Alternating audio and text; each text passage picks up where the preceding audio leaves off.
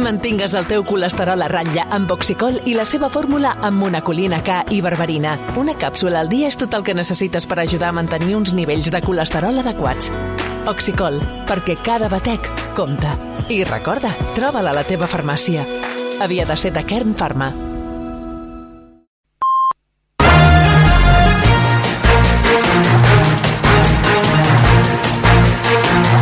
Són les 10. L'onada de calor i les altes temperatures han provocat incendis en diversos països del sud d'Europa. Hi ha focs forestals a l'estat espanyol, però també a Portugal i a França. A la península els esforços es concentren al Parc Nacional de Monfragüe, a Càceres. Les flames que es van iniciar a Cases de Mirabete ja han cremat més de 3.000 hectàrees. També preocupa l'incendi que crema a les Urdes i que afecta les províncies de Càceres i Salamanca. Tots dos es mantenen al nivell 2 de perillositat. Avui el ministre d'Interior Fernando Grande Marlaska, ha visitat la zona i ha dit que posaran en marxa un comandament únic per millorar la coordinació. establecimiento de un mando único de coordinación, de dirección, lo cual es muy importante porque permite que el conjunto de medios eh, a disposición del Sistema Nacional de Protección Civil pues funcionen de una forma coordinada y directa entre la, ambas comunidades autónomas. Marlaska també ha dit que els ciutadans poden estar més tranquils per la concentració de dotacions a la zona. La cinquena jornada de vaga d'EasyJet ha provocat avui vuit cancel·lacions i una seixantena de retards a tot l'estat espanyol. A l'aeroport de Barcelona s'han cancel·lat quatre vols entre Barcelona i París, dos d'anada i dos de tornada. Tot i això, des del sindicat USO es queixen de la poca incidència que ha tingut la protesta pel joc brut de la companyia. N'ha parlat el secretari general del sindicat d'EasyJet, Miguel Galán. La empresa ha procedido a traer tripulación inglesa, italiana y alemana en todas nuestras bases. Son esquiroles que están ahí para operar incluso aquellos vuelos que no estaban protegidos como servicios mínimos. Galan assegura que recolliran totes les infraccions i les inclouran a la denúncia que faran a Inspecció de Treball. I un home mort atropellat per una barca mentre es banyava a la platja de les Salines de Calafell, al Baix Penedès. Ha passat aquesta tarda. Les hèlices han ferit el banyista quan l'embarcació ha arrencat motors. Un cop a la sorra, els serveis d'emergència no han pogut fer res per salvar-li la vida. De moment no se sap la identitat de la víctima i ara la policia investiga l'accident. I a aquesta hora comença el concert de Joan Manuel Serrat al Festival Castell de Paralada, un lloc que per l'artista és especial perquè és on ha actuat més vegades. És la primera parada que fa el cantautor a Catalunya en la seva gira de comiat. Després, però, encara li quedaran quatre concerts a Catalunya abans no arribi al Palau Sant Jordi, on tancarà la gira. Allà hi tenim la Maria Garcia. Nervis i emoció entre les 1.350 persones que a aquesta hora omplen les grades del Festival de Paralada. Falten escassos segons perquè Joan Manel Serrat surti per oferir un dels darrers concerts de la seva última gira que, com no podia ser d'una altra manera, ha fet parada al festival que més vegades l'ha programat. Avui serà la 19a vegada i de ben segur que delectarà el públic amb clàssics de la seva llarga carrera com Hoy puede ser un gran dia, Mediterráneo, El meu carrer o un dels seus grans emblemes, Paraules d'amor. I ara els esports amb Anna Ventura. Des de les 9 de la nit, la selecció espanyola femenina està jugant l'últim partit de la fase de grups de l'Eurocopa contra Dinamarca al Brentford Community Stadium. De moment està a punt de començar la segona meitat, Espanya 0, Dinamarca 0. Amb aquest resultat, Espanya, doncs, estaria als quarts de final. Més futbol. Robert Lewandowski ja és nou jugador del Barça, després que el club hagi comunicat aquesta tarda que ha arribat a un principi d'acord amb el Bayern de Múnich. El Barça pagarà 45 milions d'euros més variables i el davanter polonès s'incorporarà a la gira dels Estats Units amb l'equip. L'Espanyol s'ha estrenat en victòria per dos gols a zero al primer partit de la pretemporada contra el Montpellier. Melamed i Villahermosa han marcat els dos gols del partit i han debutat tres dels quatre fitxatges d'aquest mercat d'estiu, José Lu, Vinicius Sousa i Brian Olivan. En ciclisme, l'australià Michael Matthews ha guanyat la 14a etapa del Tour de França. El mallot groc Vingegaard ha aguantat l'atac de Pogacar i manté els 2 minuts i 20 segons d'avantatge. I a aquesta hora l'estadi olímpic de Terrassa s'està disputant la segona semifinal del Mundial d'hoquei herba femení. Argentina i Alemanya estan empatant a un en aquesta segona semifinal. Qui jugarà la final de demà seran els Països Baixos, que ha derrotat per un gol a zero a Austràlia. I el temps. Aquesta nit tornarà a ser de mal dormir a gairebé tot el país, amb temperatures que en general no baixaran dels 20 graus i es mouran al voltant dels 25 a la costa. Demà tornarà a ser un dia de calor extrema a l'interior i la xafogó continuarà molt marcada a la costa, amb sol, algun núvol poc important cap al delta de l'Ebre al matí i a la tarda en zones de muntanya, bàsicament al Pirineu.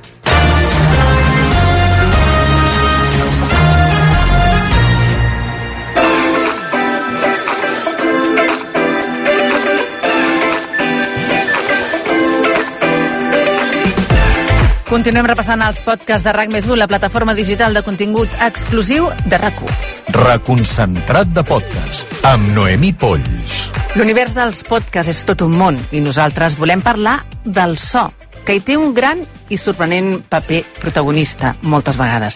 No sempre, però moltes vegades. I en volem parlar amb el responsable del so d'aquests podcasts, els de rac i també els de RAC més i també els podcasts de La Vanguardia. És el Salva Coromina, que és tècnic de so. Salva, benvingut. Hola, què tal? Volíem parlar i fer un reconeixement a tota aquesta feina que hi ha de tots els tècnics en general de so que es, eh, ens permet gairebé traslladar-nos i tenir un món de fantasia en el que, com dèiem, el so és protagonista és molt important. Vull dir que hi ha una feina que a vegades sembla que no es veu perquè se sent, però sí que hi és. Sí, i tant, i tant. Eh, vull dir que el so és, és, és, depèn de quin tipus de, sobretot en els podcasts que són més mm, així de ficció i que es recrea mm, escenes i tot això, vamos, és, és, és el 50%. Jo començaria traslladant-nos en una de les grans produccions que té RAC més que és el conte de Nadal, que tant vam disfrutar i que, i que comença així. when I met that little girl, knew that I 24 de desembre.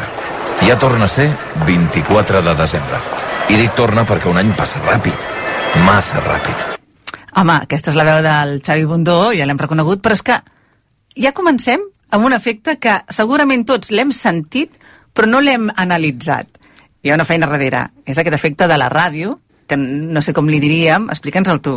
Bueno, a, això ens explicava ara eh, el, el, el, Simó, el Simó, que, que és un flashword, no? que és una mica eh, passar d'una escena eh, en la que, més radiofònica en la que hi ha una música i de sobte t'has de transportar sonorament, que això també es fa a les pel·lícules, a l'espai, al lloc on està passant la, la cosa. Llavors allà t'imagines que aquella música ha d'estar sonant per uns altaveus que hi ha allà, una megafonia, que de ficar l'efecte, la gent caminant, tot això. Llavors passes de ficar la música tal com està produïda a ficar-li tota la sèrie d'efectes, que és un equalitzador, una reverb, eh, diverses coses, i que fan que, que sembli que estàs allà. Mm -hmm. Sí, sí, primer la sents com si fos una música d'acompanyament totalment neta, mm. impecable, i després, pum, va, et trasllada en el, en el moment de l'acció. Uh, però n'hi ha més. Per exemple, aquest tros que sentim ara. Quiero divertirme y goza con mis amigos, divertirme. Mentrestant, a la festa... Que bé que avui no hi siguin els teus pares. Per cert, Nunu, quina marxa aquest disc has posat. Sí, Veus, aquest també és una escena en la que passa això, no? que està sonant una música i de sobte transporta a la festa aquesta i llavors has de ficar un altre tipus de reverb que no seria d'exterior, que seria interior eh, amb una equalització d'un equip de música que està sonant allà i has, i has, de, i has de ficar l'ambient de la gent de la festa, llavors el que fas és transportar sonorament al, al lloc. Tot això que ens estàs dient és el disseny d'això. Sí, sí, sí. Que potser sí. la gent no, no, no, no sap que hi ha molts matisos i que els tècnics fan molt tipus de feina i una d'elles és el dissenyar aquest so que ens acompanyarà durant tota la història. Sí, i també és una cosa que a la ràdio eh, eh, s'ha tingut una mica deixada perquè treballem en programes, la ràdio està molt pensada perquè hi ha una cosa que es diu Orban que està a l'antena i, i aquí tenim el Dalet que és un programa molt simple i llavors pues, es fa el que es pot però sempre hi ha un Orban a l'antena que ho comprimeix tot però clar, no totes aquestes eines de poder realment... Aquests matisos. Aquests matisos, això, això ho has de fer amb un Pro Tools o un programa que et permeti mm, treballar molt més, eh, que el Simó també el coneix, que, que hi ha treballat molt, molts anys. Aquí hauríem d'haver fet una tertúlia, ja ho he dit abans, que el sí. també que d'estar aquí dins, i segur sí. que molts dels tècnics teniu ganes d'explicar perquè, perquè també hem de reconèixer que és una feina molt ignorada durant molt de temps. Eh, cada vegada més i es valora més perquè el resultat és evident. Sense el tècnic ja d'entrada no estaríem parlant, perquè si no et puja el micro no, no tens veu. Clar. I aquesta feina és la que volíem avui reivindicar. Com per exemple també, en el mateix conte, encara volíem comentar una altra cosa. Una boira misteriosa la comença a envoltar. Què, què està passant? Què està passant? Està desorientada, no veu res. Mou els braços a les palpentes, però la senyora Scrooge està encerclada per un fum molt dens.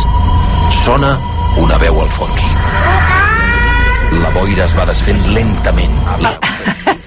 clar, l'argument ja... Aquí hi ha una feina molt bona del Marmala, sí. però, però clar, tu has de traslladar a la persona que escolta el conte en d'un cementiri, has d'explicar una boira, que també s'explica... És difícil. Aquí volia ficar aquest tall per, per explicar una mica això, que hi ha uns efectes que es diuen washes i risses i coses així que coneixem nosaltres, que, que fan aquest tipus de, wash i, i transporten i, i, i això ho vam descobrir molt a la sèrie Perdidos, saps? A Perdidos eh, van ser els primers en començar, bueno, no els primers, però van ser els que més van utilitzar això, no? Perquè viatjaves allà molt en el temps i anaves aquí allà i tot aquest efecte de, de, que et transporta totes aquestes coses, doncs, ostres, si les col·loques bé, doncs et poden portar una boira, hi ha una estació, hi ha un, un moviment espai... Aquí en el conte hi havia molts canvis d'espai i temps, no? I viatges en el temps i tot això, i tot això és molt útil tenir tots aquests recursos, i que si els fiques bé amb bons compressors i bones revers i tot, sona molt espectacular, perquè també es fan servir molt a les sèries, al cine, llavors et dona la sensació que estàs escoltant algú eh, Sí, sí, pues real, que està, que està gairebé fet, real. Tu sí, viatges, sí, sí, tu et mous, tu sí, sents. Sí, sí. Uh, I un dels podcasts que més feina té és el de Ja som aquí. Pónganse en les marques.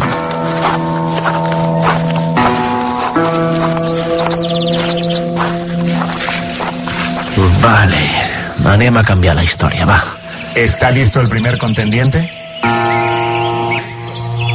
A mi señal, disparo.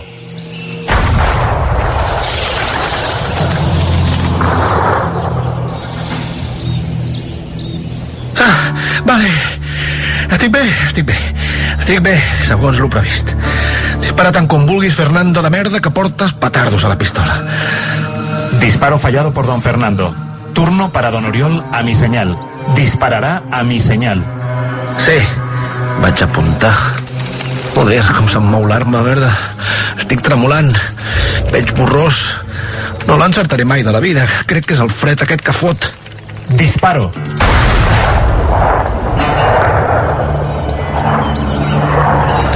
que aquí, aquí estem veient la bala com es mou, de fet, eh, segur que els nostres oients també ho hauran notat, estàs veient com tremola la pistola sí, i l'estàs sí. sentint, aquest cataclic, cataclic de, de, de la pistola com tremola. Clar. Tot això són efectes. Bueno, és que jo crec que tot això, el disseny de so eh, eh, es basa en detalls. O sigui, la importància són els detalls.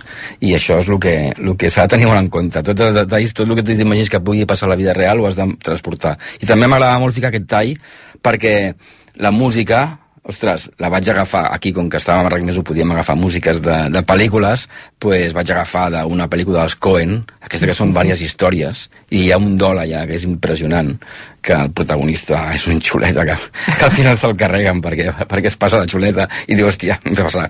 Pues és que aquella música, clar, és que són tan bons els americans i, hòstia, crec perdó, eh, queda, crec que queda aquí la música aquesta, bueno, clar, la música, els ocellets, els ocells sí, que escapen sí. quan tires, tots els detalls aquests fan que l'escena quedi molt bé, i donar espai, no? I, i deixar els respirar, silencis. perquè a la, a la ràdio estem molt acostumats de... de aquest, omplir, omplir, I sobretot a rac de no deixar ni un silenci d'un minut sense segon, tot és taca, taca, taca, taca, taca. I, ostres, mira, jo va haver una vegada que vaig sentir un, un podcast i em va canviar molt la perspectiva, no, no, no recordo quin era, però vaig passar de treballar molt més amb els silencis i allà i em va canviar molt el, la manera de treballar. És que fins i tot el parlar, el silenci, a vegades diu molt més. Eh, sí, i a més a més, si, si has sigut muntador, jo havia sigut muntador, a, a, jo havia treballat a la SER, però bueno, i a l'època que muntaves amb Revox, els 40 principals, ah, i aquestes que allò coses... sí que era una filigrana, amb, amb... el Dani també està dient el mateix, sí, clar, clar, el Revox ja era enganxar i... i sí, però cinta, tot, era, tot, tot havia de ser superpicat i enganxat i acabava la veu i sortia la música i tot quadrat i, i tot era molt rítmic, molt rítmic, molt i ostres, has, has tingut de fer un treball d'extracció de, de, de, de tota aquesta manera d'entendre de, de, les coses. No? Hem de dir que aquest era el podcast de Ja som aquí, que està a RAC més que està fet per l'Enric Lucena i l'Oriol Dalmau, que també té altres moments com aquest. Porto un missatge d'Antoni Desvalls des de Cardona. I què coi fas vestit de borbònic? Eh, és una història molt llarga. He, he d'entrar a Barcelona. ¿Ets el FIA? Sí. ¿Vosotros dos qué hacéis allí parados? Se, se ha desmayado, pero ya está recuperado. ¡Déjalo y sigue acabando! Ya voy. Hi ha una entrada secreta a la ciutat des de la tercera paral·lela, sota els fonaments... És que en aquí anem explicant eh, capítols de la història de Catalunya i, i figura que viatgen en el temps i llavors eh, ho hem de fer també nosaltres mentalment, escoltant el podcast. I de vegades també el paper dels actors eh, ajuda també, no? Hi ha veus que, que també omplen molt, no? Sí, sí, per això he ficat aquest tall i el següent que ficarem, que és el, el Josep Linuesa, que fa un paper aquí espectacular. A veure, jo sempre ho dic, eh? Un podcast o qualsevol història, sobretot una ficció, és el, el tant per cent és de guió, d'actor i de, o locutor, i de disseny de so, o sigui, hi ha una responsabilitat total. Si els tres són bons, el podcast és bo, i un fluixeja, li falta una, una pota. Mm -hmm. Llavors hi ha tres potes, guió, eh, a l'actor, la veu, el que sigui, i, i el, el disseny de so. Ah, i m'olvido de la quarta pota, que seria la més important, que és la persona que pot coordinar a, a aquests, a aquestes tres, el guionista, el tècnic i, i, i el locutor, que seria en aquest cas el coordinador, que és el Luis Magallanes, que està fent una feina excel·lent eh, amb els podcasts de RAC més 1. Estos catalanes me están quitando la salud. Teniente, usted que vio de cerca al veneciano. Sí, dígame, excelencia. Escríbaselo a los jefes de pelotón. Que se coja la voz. El que me traiga la cabeza de ese imbécil pinchada en una bayoneta, mañana tendrá una calle de la ciudad en su nombre.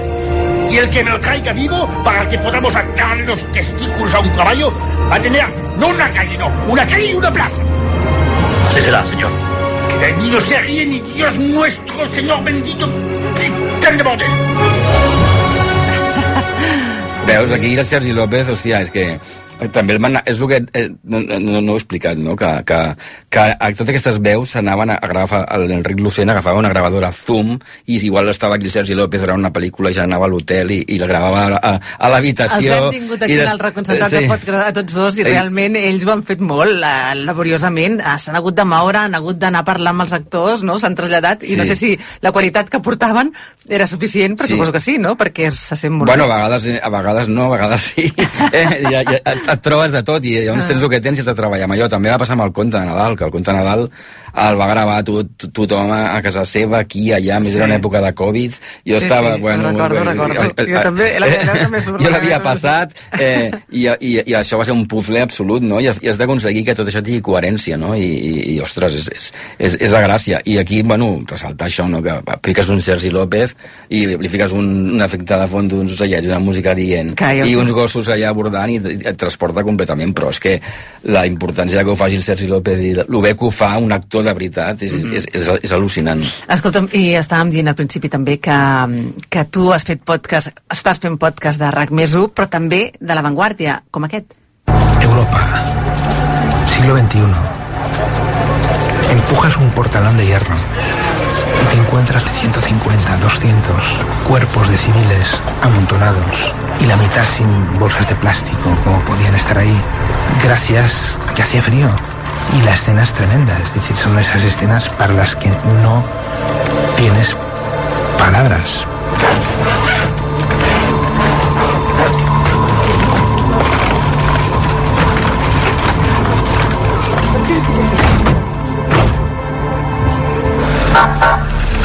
dos semanas, ahí, ya vi más cadáveres que las 10 guerras que he cubierto durante 30 años.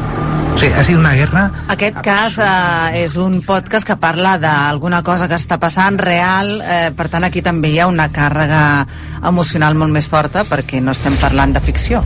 No, clar, clar. Aquí, eh, per exemple, volia, volia ressaltar que vaig, em va encantar fer aquest podcast, el vaig fer amb la Gina Tosses, que vaig treballar superbé amb ella, i és un podcast en el que es van entrevistar els tres corresponsals, quatre de l'avantguàrdia, i teníem tots els sons que havien gravat ells allà a Ucrània i això es va muntar com un, com un puzzle de la nada, no? Ella ho va ordenar i vam anar traient sons d'aquí i d'allà i ho vam muntar, no? I aquí la importància de la música era brutal, no? Ara, per exemple, el, el com es diu, el Plàcid García Planas, ostres, fot aquí...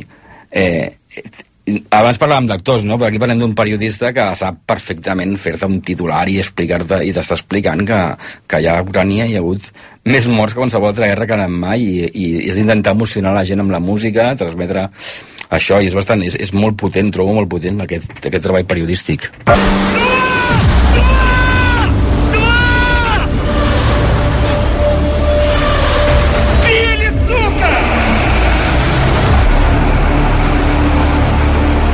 Todos los sonidos de este podcast son reales. Han sido captados en Ucrania durante la invasión rusa. Vale, pues Una miqueta aquí volia, el que volia mostrar és aquest final, que és un moment en el que eh, uns soldats eh, ucranians tiren una bomba no, aquí acabem una mica el capítol que parla de la guerra i uns, uns soldats ucranians tiren una bomba a un barco rus i el toquen, no? I és aquest cris que fa el tio que en el fons està insultant i tal, no? Però la música fa que sigui el final, llavors clar, aquí és la importància de la música i d'agafar un so que tens en directe que si tu l'agafes al YouTube el veus i tal, però aquí amb la música i tot junt... I amb el context. Sí, amb el context i després haver sentit tot el podcast o sigui, agafa un empaque brutal. Isla de las Serpientes, soy un buque de guerra ruso. Os sugiero que depongáis las armas y os rindáis. De lo contrario, seréis atacados. ¿Me reciben? Bien, eso es todo. ¿Tendría que decirle que se joda? Por si acaso. Buque de guerra ruso, jódete. Bueno, aquí he explicat aquest tall perquè, perquè a vegades hi ha moments que estàs muntant, que estàs sol allà, que, no, que necessites una veu que no la tens i que has de fer un doblatge i tal, i aquí vaig tenir que ficar jo la veu. que això, això em passava molt al Jasom aquí també i, i, i em passa moltes vegades. I, i jo era, abans era identificar una veu, però va arribar un moment que dic, això tinc que tirar endavant i tinc que ficar-la. Ah, però hi ha uns ja, tempos i si no sí, ja, ja, trigues més en demanar a algú que t'ho gravi que sí, no pas ficar i al final no? et fiques en el paper i dius, bueno, ara m'imagino que estic allà, que tinc a davant no sé qui, i, i, i, i bueno, i, i crec que al final ho he aconseguit fer bastant dignament, eh, cosa que abans no hagués fet ni ni hablar fa uns anys, no? Però bueno, em vaig treure la por i em salva a l'hora de treballar en moments, no? Uh -huh.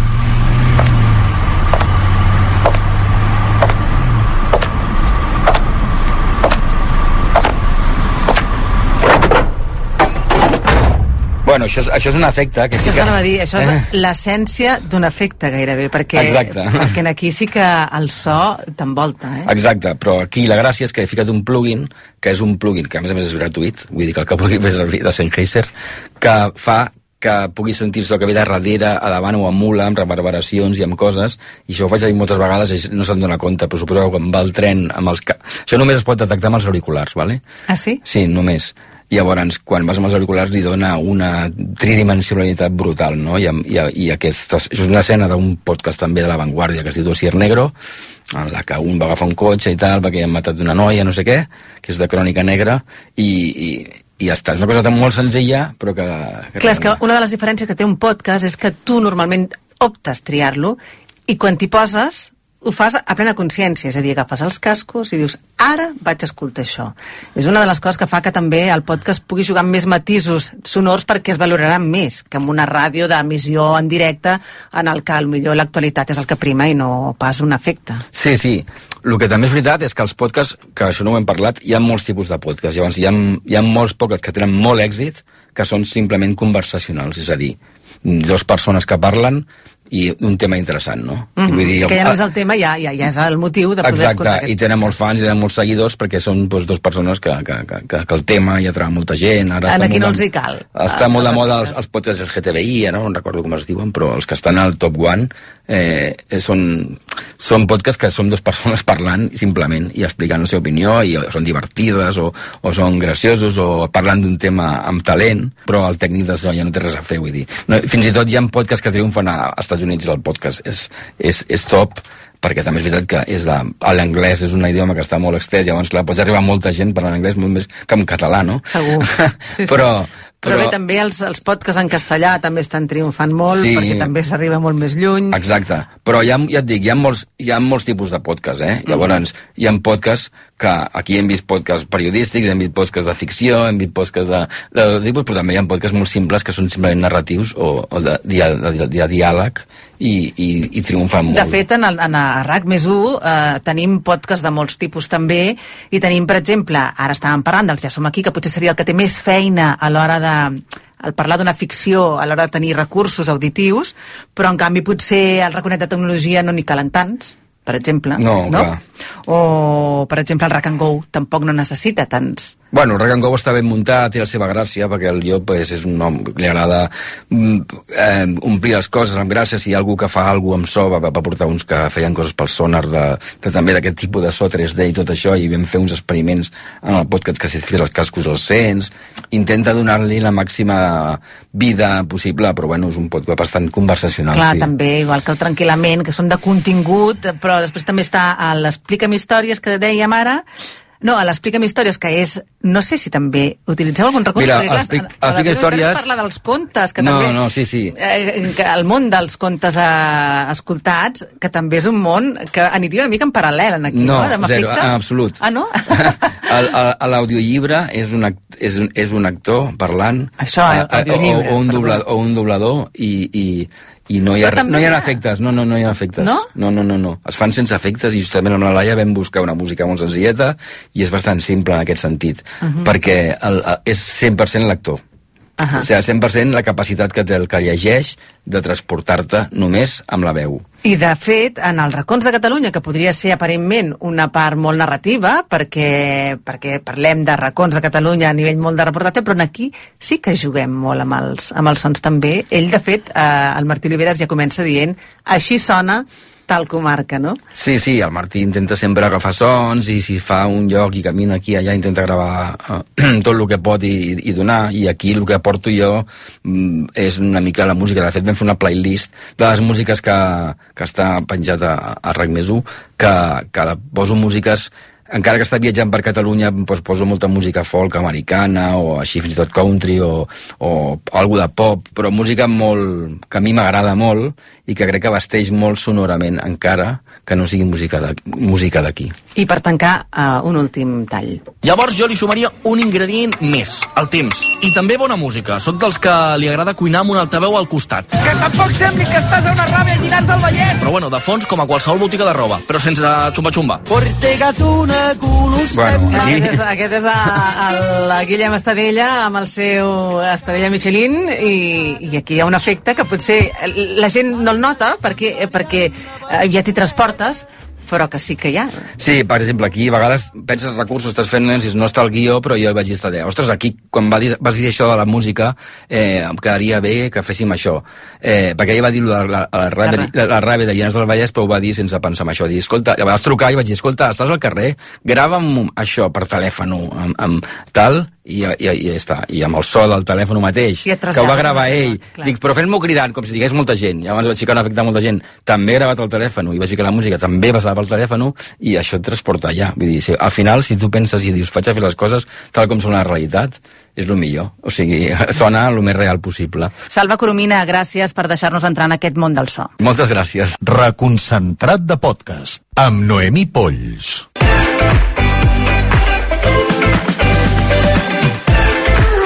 Comentàvem ara amb el Salva Coromina sobre la feina de so que hi ha darrere de molts podcasts. RAC més 1 és la plataforma digital que ofereix aquest contingut exclusiu de RAC1, un servei que combina podcast i la transmissió en directe d'esdeveniments per un segon canal. I és eh, que el consum de material audiovisual està canviant molt de pressa i RAC1, evidentment, s'hi ha sumat. Volem parlar-ne, saber què ens ofereix i quines són les tendències d'aquesta nova manera de consumir àudio. Amb el cap de programes i, i digital de RAC1, amb en Xavi Maric, eh, també tenim el responsable del podcast de RAC més 1, el Lluís Magallanes, i també el responsable d'operacions i analítica digital, Carles Miró. Uh, hola a tots tres, anem per parts. Uh, el consum de ràdio, ara ho dèiem, està canviant i per començar ja cada vegada fem servir més els suports digitals, l'ordinador i sobretot el mòbil per escoltar ràdio. Carles, en aquí aquest seria potser una mica el teu terreny, el consum a la carta, la gent ja tria què i quan vol escoltar. Bueno, de fet, eh, de fet, fa temps que trien quan i com escoltar, reconeix l'any 2000 i la primera aposta que van fer la gent que va pensar com havia de ser aquesta ràdio va ser apostar tant per l'streaming, recordem que en aquell moment, a l'any 2000, no hi havia fibres òptiques, no hi havia 4Gs, la gent tenia mòdems a casa, sí, tenia mòdems. Sí, sí, aquell sorollet que feia... Sí, les ADSLs eh, són del 2002, 2003, després ADSLs que anaven a 64... Tot això ja. ho hem oblidat, Tot eh? això ho Sembla que vam néixer ja amb internet incorporat. Doncs en aquell moment eh, la gent que pensa aquesta casa ja pensen en, en digital. Per tant, van ser... Un, bueno, van estar ser uns pioners i van veure que el consum massiu si volíem ser una ràdio de consum massiu i d'audiències massives, hauríem de començar a apostar per la part digital. I, a banda de l'streaming, es fa una aposta pel podcast, que en aquell moment ni existia, perquè la paraula podcast crec que és del 2003, 2004, quan Steve Jobs eh, fa l'iPod i, i junten el, el pod amb el broadcast i fan la paraula podcast.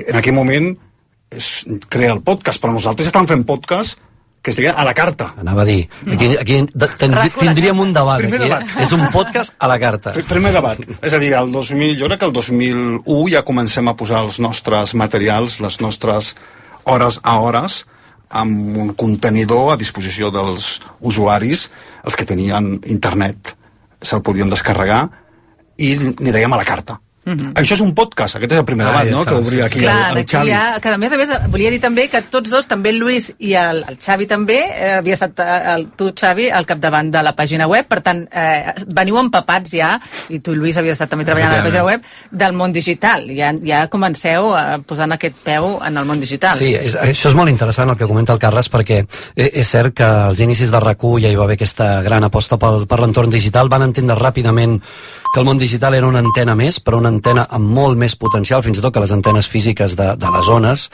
Em, Per tant, podries arribar a molta més gent i, a part, obrir el meló a això, no? El, el, tot el suport podcast, diem-li així d'entrada, tot i que era un primer podcast a la carta. O sigui, no era contingut nou, no era un contingut exclusiu, sinó que era un contingut de coses que ja s'havien emès a l'antena.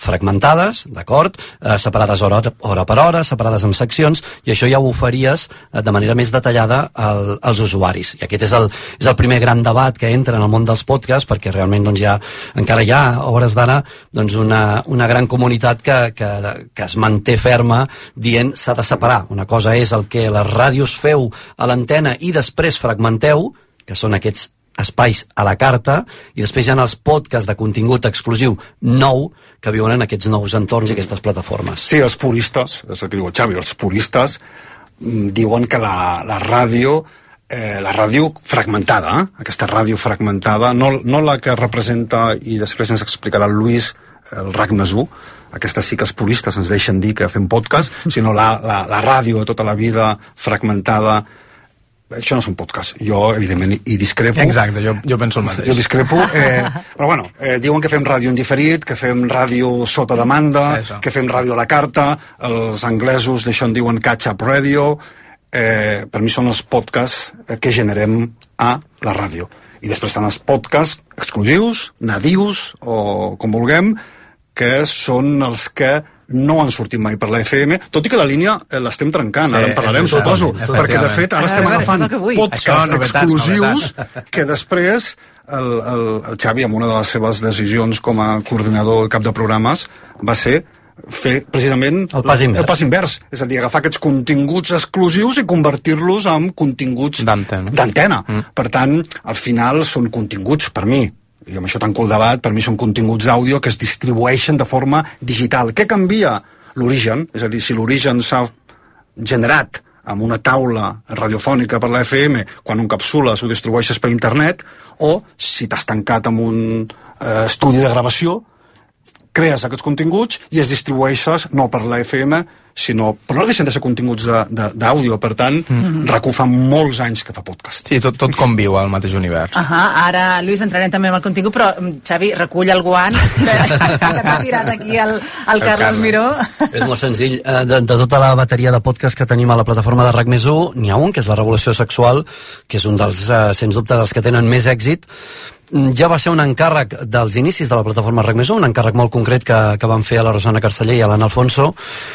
L'èxit ha estat eh, tan evident eh, que ens hem decidit, doncs això, a fer el pas contrari, a dir, d'acord, va néixer com a podcast, abans que hi hagi un espai pròpiament de sexe entès com un programa en directe, per exemple, doncs en un futur, eh, perquè no fem un pas intermig i confiem a la revolució sexual, un espai concret a les matinades de dilluns a divendres, a la grella d'estiu, i comprovem si aquest espai funciona.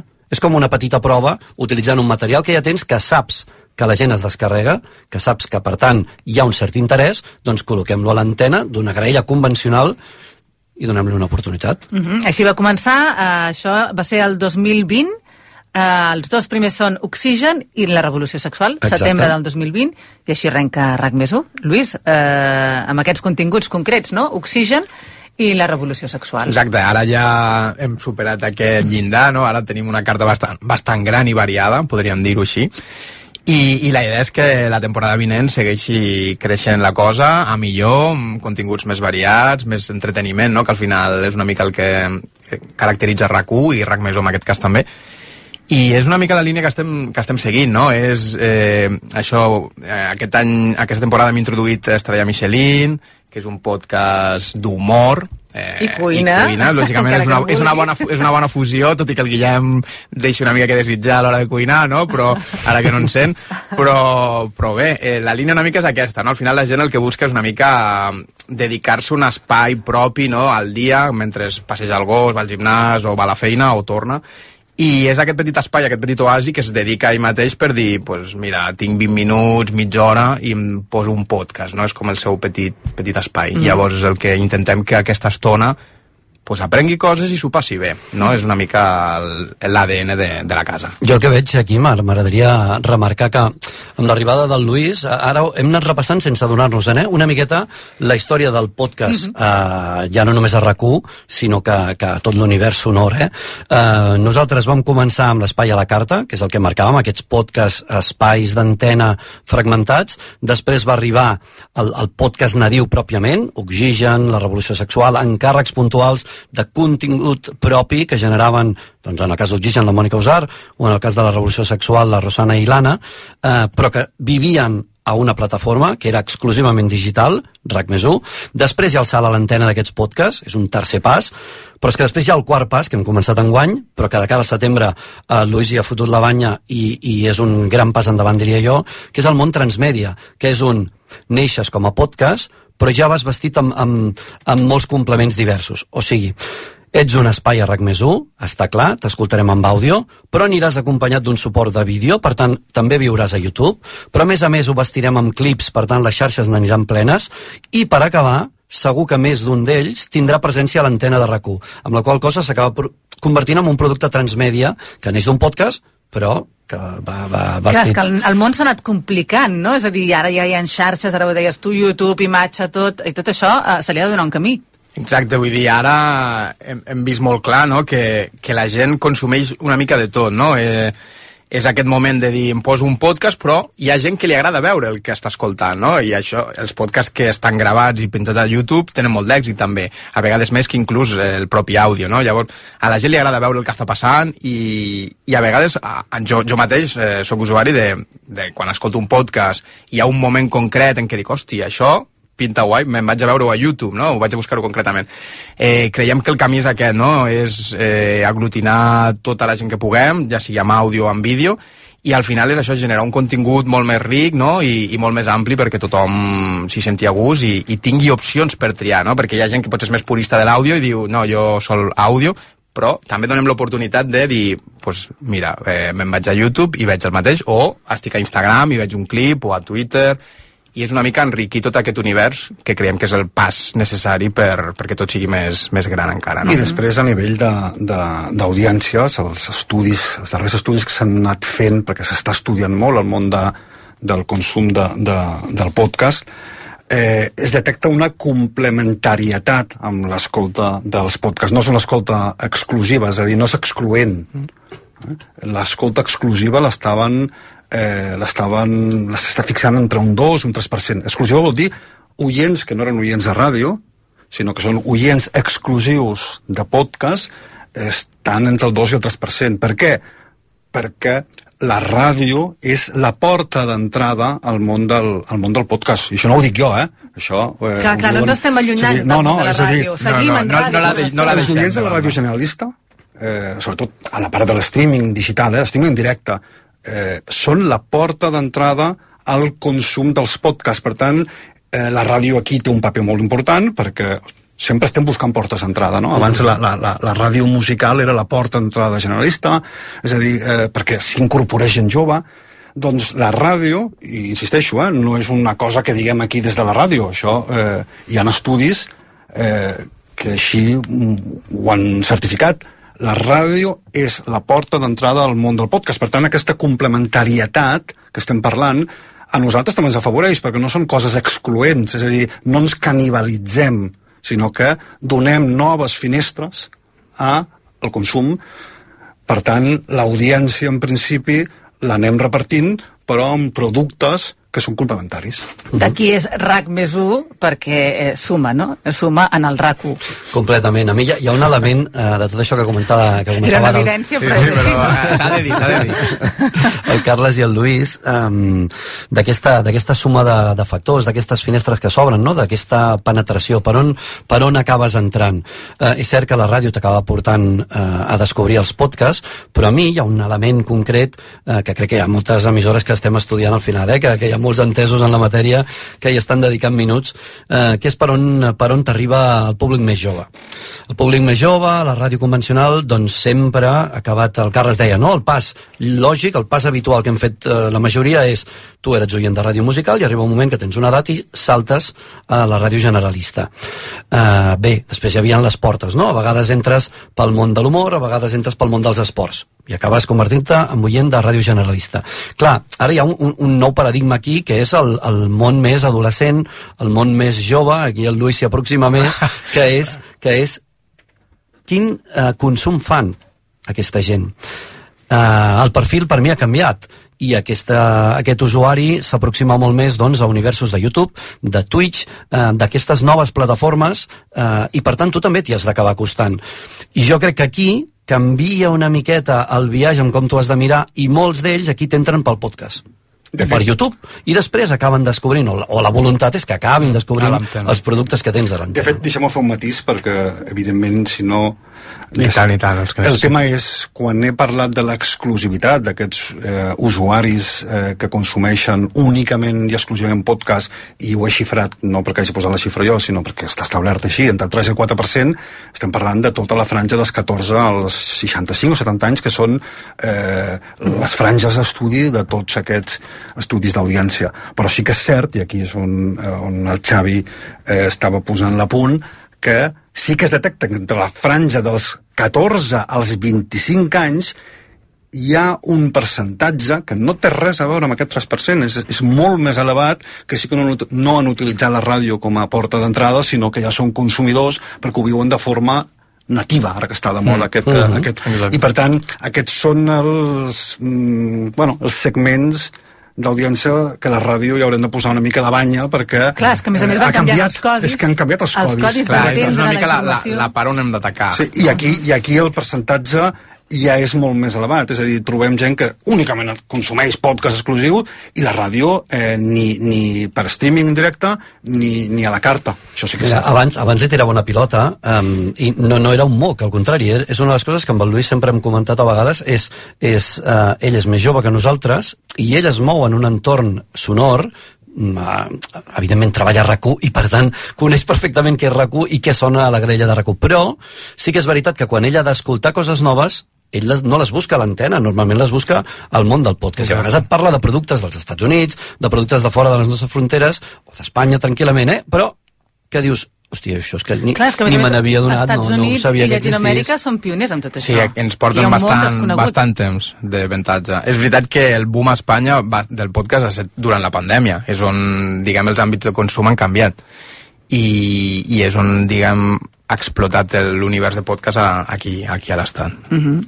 Nosaltres som d'una generació, no li dic en el Lluís, us dic a vosaltres dos que estem al costat, el, sobretot el Carles, som d'una generació Bueno, que ara que tampoc l'audiència es pensi que té Que som 15 tan anys. joves, eh? no, efectivament, no, no, efectivament. tots ja estic a la trentena. Però que vam sentir allò de Video Kill de Radio Star eh, i allò semblava que era una amenaça per la ràdio i en canvi ara De estem parlant Bagels. de Bagels, exacte, sí senyor.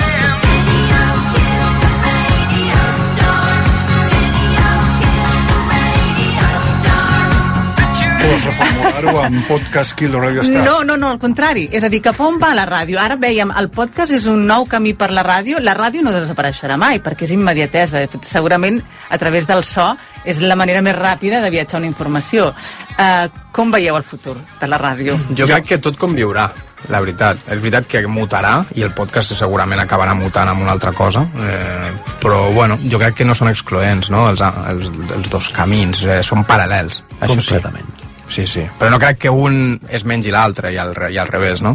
No, de fet, eh, va haver-hi una... es va fer una conferència entre els tres principals grups radiofònics eh, espanyols i va sortir un titular que, que, que estava molt ben trobat, no? que era que la ràdio és la que té l'audiència i la gran, les grans audiències i la gran comunitat i en canvi el podcast darrerament és que s'hi està, que estan portant, estan duent tots els titulars, no? És a dir, estem eh, bueno, bombardejats per podcast, podcast, podcast, quan si analitzes a nivell percentual, la ràdio és realment qui té les audiències. Per tant, sí que és cert que hi ha una febrada, una febrada eh, del podcast. El podcast ha vingut per quedar-se. Després també hi ha gent que diu que el podcast és el futur, claríssim, però encara, a nivell d'audiència, se parla d'audiències massives, el podcast encara no és el present, entenent el present com audiències massives. Per què?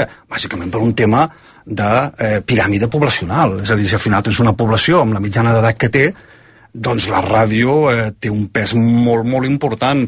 Ara, la ràdio d'estar molt atent, i de fet ho estem, estem amb eh, començar a pensar productes com tots aquests que comentava tant el Lluís com el, com el Xavi, per aquesta complementarietat de la que parlàvem, no? d'estar de, de, present a totes sobretot a les frances joves. Jo ara em, em trec un moment el barret de, de cap de programes de, i digital de rac i us faig la lectura que, que sovint m'agrada fer eh, com a usuari, com a usuari purament, val? no vinculat a una emissora eh, una vegada vaig haver de presentar un estudi eh, extrapolant, fent una mirada cap al futur, de cap on creia jo que això podia acabar anant. I com a usuari, jo crec que el futur passa i, i segur que ho heu sentit a dir en altres àmbits eh, però, de tecnològics, però passa per la personalització. Personalització de què? De la graella. Què vol dir això? Jo crec que el futur, al final, com que tots avui en dia portem el nostre telèfon mòbil a la butxaca, el que acabarem fent és una graella mida cadascú tindrà la seva pròpia graella. Aquest és el futur que jo moltes vegades m'he imaginat. Què vol dir això? Doncs que si jo, per exemple, em llevo i connecto la ràdio a les 7, eh, doncs potser la meva graella tindrà doncs, que a les 7 hi ha el món a A les 8 hi ha el davantal del Basté, però, per exemple, eh, l'informatiu l'escoltaré a no sé quin altre punt, en quina altra franja horària o una altra emissora. Però després m'hi sumaré un podcast i aniré confeccionant una graella a mida amb els meus espais lliures, perquè hi haurà un moment en què arribo a la feina, hi haurà un moment en què hauré de menjar i potser torno a engegar aquesta graella, però al final qui se l'haurà confeccionat serà un mateix. Mm -hmm. I crec que anirà doncs, agafant, picant una mica d'aquí i d'allà. Això sí, pel que fa al món digital, eh? Una altra cosa és quan encara estem pendents de l'FM, que l'FM, doncs, al final és una cosa lineal i segueixes escoltant sempre. És molt difícil quan una persona té un dial posat en una emissora que el canvi.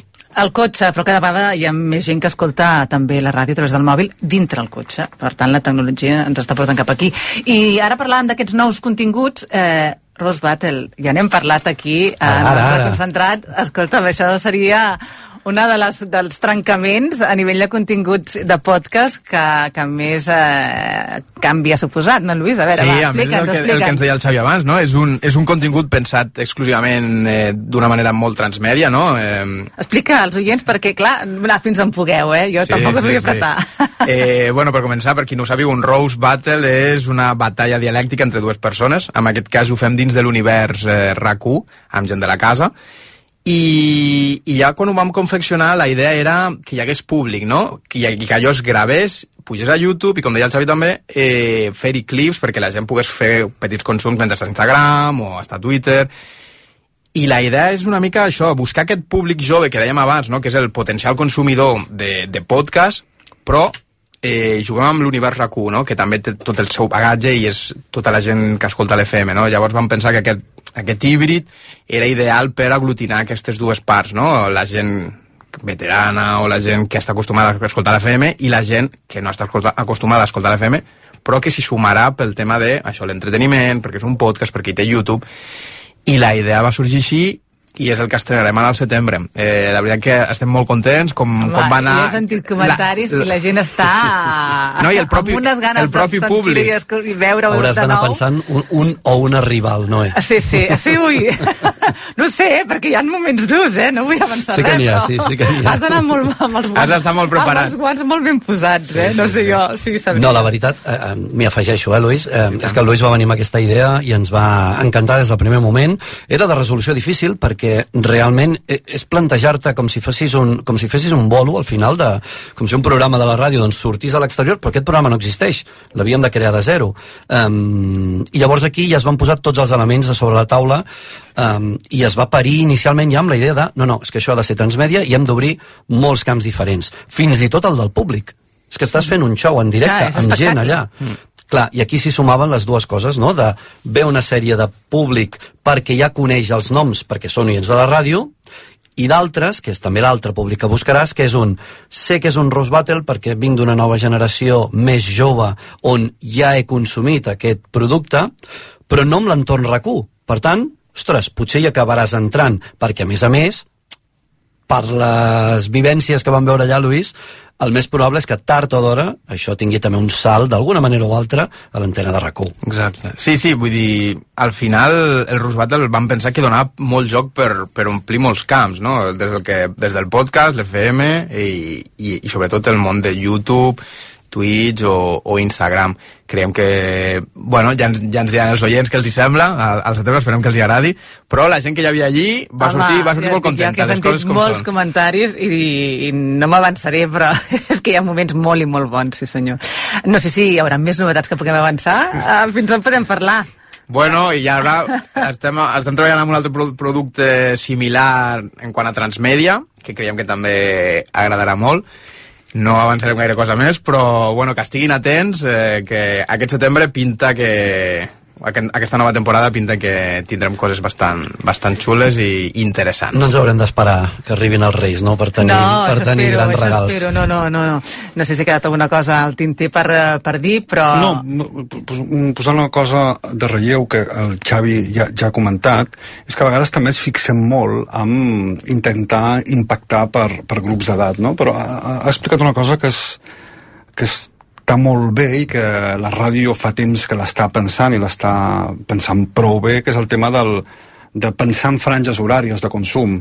Mm -hmm. És a dir, eh, la ràdio té un moment bàsic i principal d'audiència que és de 6 a 12 del matí. Això, no, no, no la ràdio aquí a Espanya, sinó la ràdio arreu és territori matinal. A la tarda es fan grans audiències, a la nit amb els esportius també es fan, es fan bones audiències, però estaríem d'acord que de 6 a 12 el gruix de, de les audiències estan de 6 a 12. Per tant, hem de saber com ser rellevants també a les altres franges horàries, no?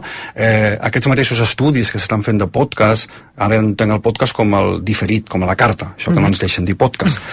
Eh, això està bastant quantificat que es consumeix, la gent es descarreguen els àudios per consumir entre les 7 i les 11 a la nit que és quan es fan els desplaçaments. Quan s'acaba la jornada laboral, sí, també. I les nits, també. A vegades hi ha gent que se'n va a dormir amb un podcast de, de la competència mm. que no ha pogut escoltar al matí perquè treballava.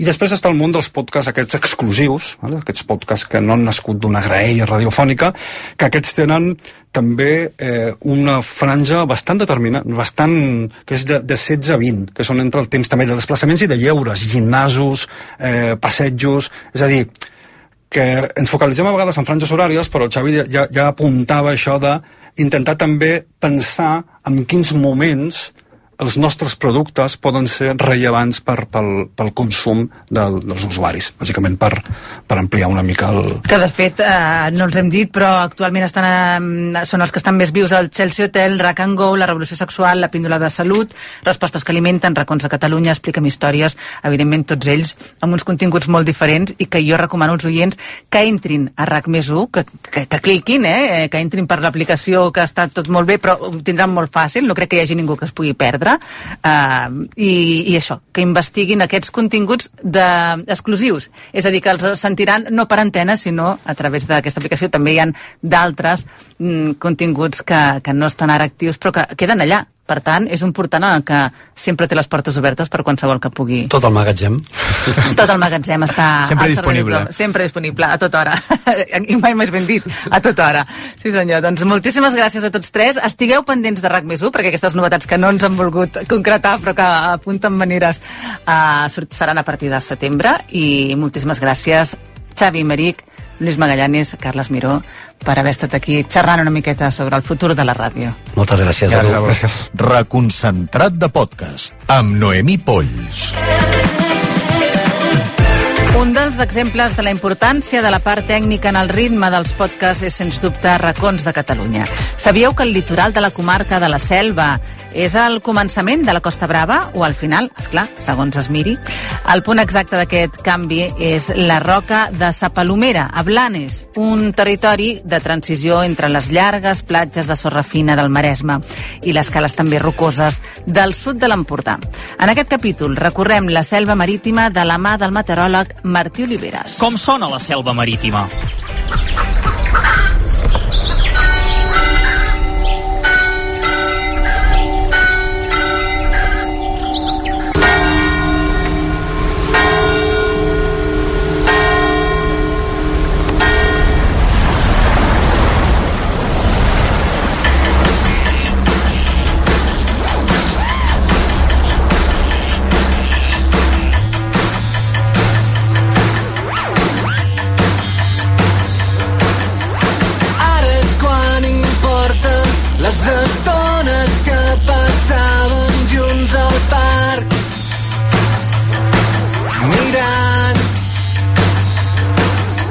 Selva marítima és una comarca natural que s'estén al voltant dels municipis de Blanes, Lloret de Mar i Tosa de Mar, a la selva. Però també rep el nom de la Baixa Tordera, perquè agafa la part més baixa d'aquest riu. Per tant, parlem de selva marítima, sí, però val a dir que en sentit comarcal comprèn el triangle entre Tossa, Calella, de la costa, eh, no de Palafrugell, i Hostalric, que ja es troba més terra endins.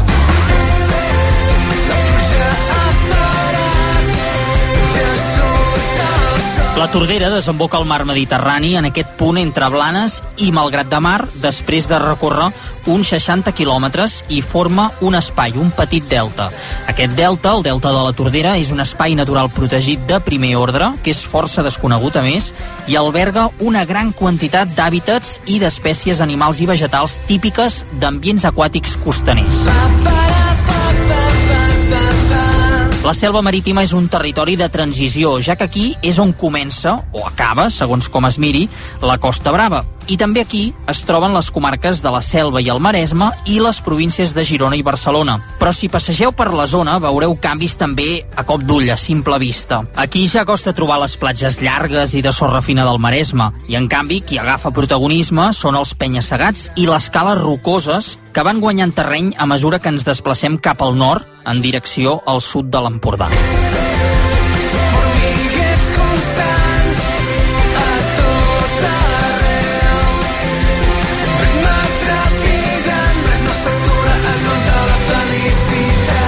entremig d'aquest paisatge tan característic s'hi amaga un altre gran patrimoni, el dels castells i les viles medievals, com per exemple Tossa de Mar i Hostalric, però també el de les ermites, els barris de pescadors, els reconeixements a les dones del món mariner i un present lligat a la pesca a través de la llotja i la gastronomia que ens han arribat fins avui.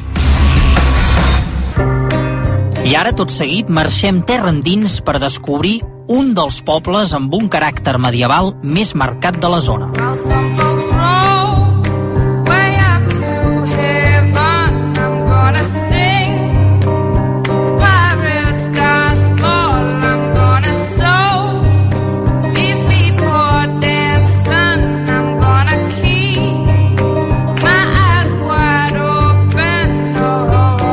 Mireu, sóc Hostalric, a la comarca de la Selva, aquesta part més interior de la selva marítima, i estic pujant a la Torre dels Frares. És una torre de vigia, una torre de guaita, eh, que ara tot seguit doncs, us en donarem una mica més de detalls, perquè aquí dalt he quedat amb una de les que, les que ho porta, una de les responsables, en aquest cas de l'oficina de turisme, que és la Laura Margant. Ja sóc dalt. Acabo d'arribar a la torre i m'acabo de trobar la Laura. Laura, què tal? Bon dia. Bon dia. Com estàs? Bé. Aquí gaudint d'aquestes vistes, escolta, això és un privilegi, eh? Sí, sí. Molt bé. Uh, Hostalric, té aquesta forma, eh? Quan vas per aquí a l'autopista ja, ja ho veus, eh? Té aquesta imatge del recinte emmurallat i aquí als peus la, la vila. Ets d'aquí d'Hostalric, tu? Jo sóc nascuda aquí a Hostalric, uh, ara no hi visc, però, però sí, jo em considero d'aquí a Hostalric. Què és per tu aquesta zona de la selva marítima, aquesta part interior? Patrimoni, bàsicament. Què, què en destacaries d'aquesta zona, d'aquesta vila? Bueno, bàsicament els seus icones és el castell, Fortalesa, és un castell del segle XVIII i llavors el, la part del recinte medieval, és a dir, tenim dues èpoques destacables al llarg de la història, les tenim concentrades en poc més de 3 quilòmetres quadrats. Veiem des d'aquesta torre dels frares el recinte emmurallat del castell, oi? I després el, el, el poble. Bé, el recinte emmurallat està en el poble, val? i el castell eh, és la fortalesa, diguéssim, la muralla està en el poble i llavors per altra banda hi ha el castell fortalesa, que hi havia hagut un castell medieval, eh? eh el que passa és que no en queden restes i llavors eh, per la seva situació estratègica, perquè està a mig camí entre Girona i Barcelona, es va refer el castell seguint les tècniques constructives d'època moderna. Doncs amb aquestes vistes continuem fent, fent aquest passeig per aquí, aquesta torre de, de Guaita, de Vigia, d'Hostalric. És un lloc que us recomano molt de veritat perquè és un privilegi. Now that you've gotten to the autumn